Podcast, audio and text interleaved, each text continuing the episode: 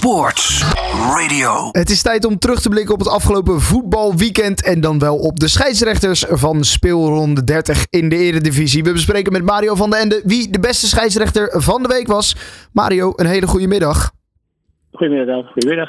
Ja, wat, uh, wat, wat, wat, wat was voor een speelronde al geheel qua scheidsrechters? Uh, hebben, ze, hebben ze als team een voldoende gekregen van jou of uh, was het een flutweekend? Ja, er waren toch weer een hoop haken en ogen aan. Oké. Ja, maar ja, goed, dat, daar hebben we ook dit item voor in het leven geroepen. Nee, zeker, zeker. dat is helemaal waar. Neem ons eens eventjes mee door, door jouw bevindingen van het afgelopen ja, weekend. Goed. Ga ik even terug naar, naar vrijdagavond, naar FC Twente tegen Sparta. Ja. Er was op een gegeven moment een situatie met een hensbal van uh, Awassar van, van Sparta. Uh, ja, geen strafschop. van de Eik, de VAR, die wilde makkelijk toch eventjes nog onder zijn neus schrijven dat er iets onoorbaars gebe gebeurd was in het strafschopgebied. Ja, het criterium is dat de hand op een natuurlijke, of zijn arm op een natuurlijke wijze langs het lichaam moet hangen. Maar ja, goed, hier slaat hij de bal even voor zich weg. En ik heb het idee dat uh, die regel dan toch nog eens een keer beter uitgelegd moet worden. Want in dit geval dacht ik van. Hier uh, ja, had ook een strafschop kunnen geven. En ik denk als, als Makkeli volgende week, of deze week nog een keer Europees actief is, dat hij dan toch nog eventjes even de regel moet, moet gaan bekijken. nou, er was er een, een wedstrijd.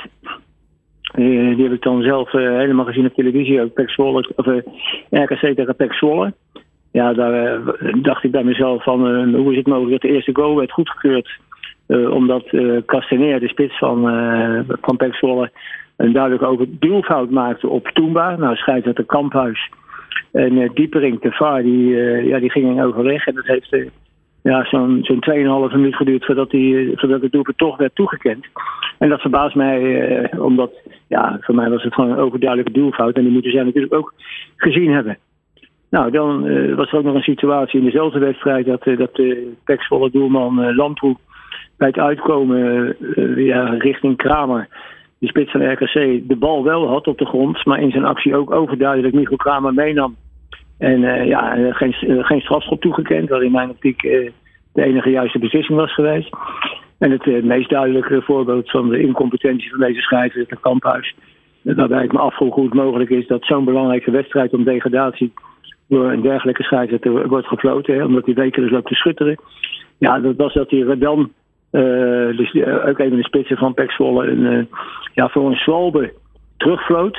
Ja, hij werd gelukkig door de VAR naar de kant geroepen, omdat ja, die, die fase, de doelman van, van, ja, die, die overduidelijk lanceerde de speler.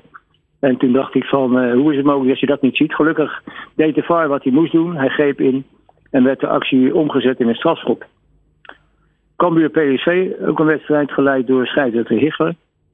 Er werd op een gegeven moment uh, Silla van Cambuur uh, met twee keer geel uh, van, van het veld gestuurd. Nou, de tweede gele kaart was een hele ongelukkige actie.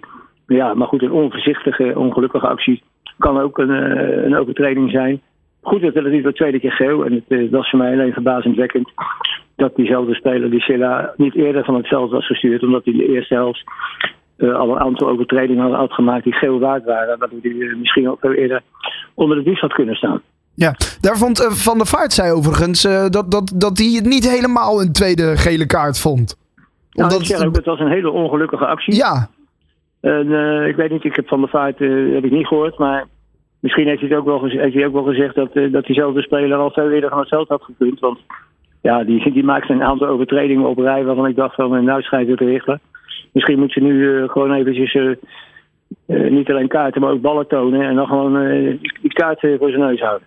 Mag je, dat, mag je dat meenemen als dit zeg maar net, een, net geen gele kaart is, maar daarvoor waren drie die eigenlijk wel een tweede gele kaart waard zijn? Mag je dat dan meenemen en hem dan voor deze ja, toch wat ongelukkige overtreding die tweede gele geven? Of is dat eigenlijk ja, niet hoe het werkt? Ja, ik vind van niet, want dan, dan ga je er een soort optelspelletje van maken. Ja. Ja, nou ja, goed, dat vind ik op de lagere school thuis horen. Daar, daar leer je optellen. En uh, ja, ik vind het altijd heel raar dat je dan uh, dat moet doen. Ik denk gewoon dat je uh, heel consequent die spelregels moet proberen toe te passen. Ja. En ja, wanneer een kaart op zijn plaats is, gewoon die kaart geven. En of dat dan inderdaad in de vierde, achtste, twaalfde of zestiende minuut is, dat maakt allemaal niet uit. Gewoon doen als, als een speler een dusdanige overtreding maakt. Ja, en dan was dit misschien niet het beste moment waarop hij de tweede gele kaart kon geven. Nee, want dat kwam dus heel ongelukkig. En uh, ik, had, ik had eerder het idee dat hij nog een beetje uitgleed. Uh, waardoor hij dan de speler op zijn, uh, op zijn hak of, op ja. de enkel raakte. Ja, ja en dat, het, het, het, het, zag er een beetje knullig uit. Maar, maar nogmaals, ik, ik kan me daar nog wel in denken. Maar het had, het had natuurlijk veel eerder gemoeten dat hij zijn tweede gele kaart had gekregen. Ja. Zijn er nog nou, andere... Goed ga ik dan nog even naar gisteren terug. Naar Jazeker. Feyenoord Utrecht. Ja. En dat, wat weer opviel was het inconsequente fluiten van, van scheidsrechter Nijhuis. Uh, en dan, uh, wat, wat zeker opvallend was, was bijvoorbeeld een overtreding op Dessers in het strafschopgebied, die uh, in mijn optiek een strafschop waard was. En dan zie je dus dat uh, Nijhuis heel snel het spel laat hervatten. Ja, en de, de, de, afspraak is dus, als het spel al is hervat, dan kan de VAR niet meer terugkomen op de vorige situatie. Dus dan, ja, volgens mij een soort slimmigheidje gebruikt om dan de VAR, in dit geval was het de lang geblesseerde Kevin Blom, ja, dat hij dan geen mogelijkheid krijgt om naar het geval te kijken en eventueel in te grijpen. Dus heel snel hervatten. Ja, dan, uh, dan omloop je de VAR, maar daar is natuurlijk die VAR niet voor in het leven geroepen. Nee. Nou, en dan heb je de laatste wedstrijd gisteren gehad, uh, Fortuna Go with Eagles.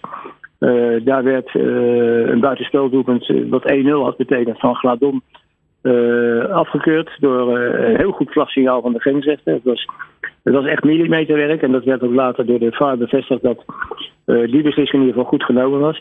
Ja, dan zie je bijvoorbeeld ook een overtreding van, uh, van Pinto.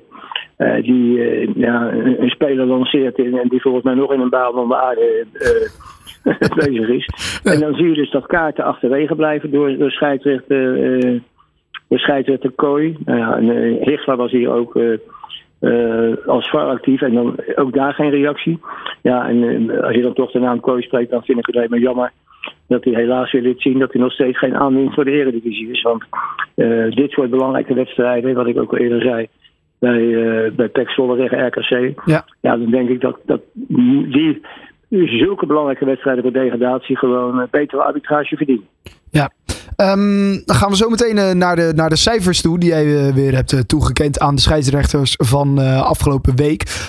wil ik eerst eventjes de actuele stand na speelronde 29 er nog eventjes bij pakken. Daar staat Alex Bos met een 6,2 bovenaan. Die heeft alleen vijf duels gefloten. Dat is niet genoeg om in het eindklassement terecht te komen, hè?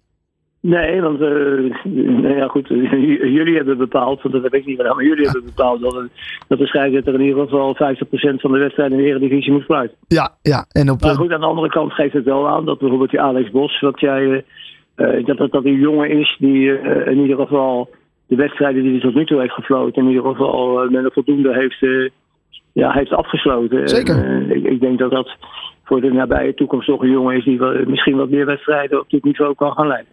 Wie weet uh, hoe dat uh, volgend jaar zit. Welke scheidsrechter blonk uit het afgelopen weekend? Dit is by far de beste scheidsrechter van de week.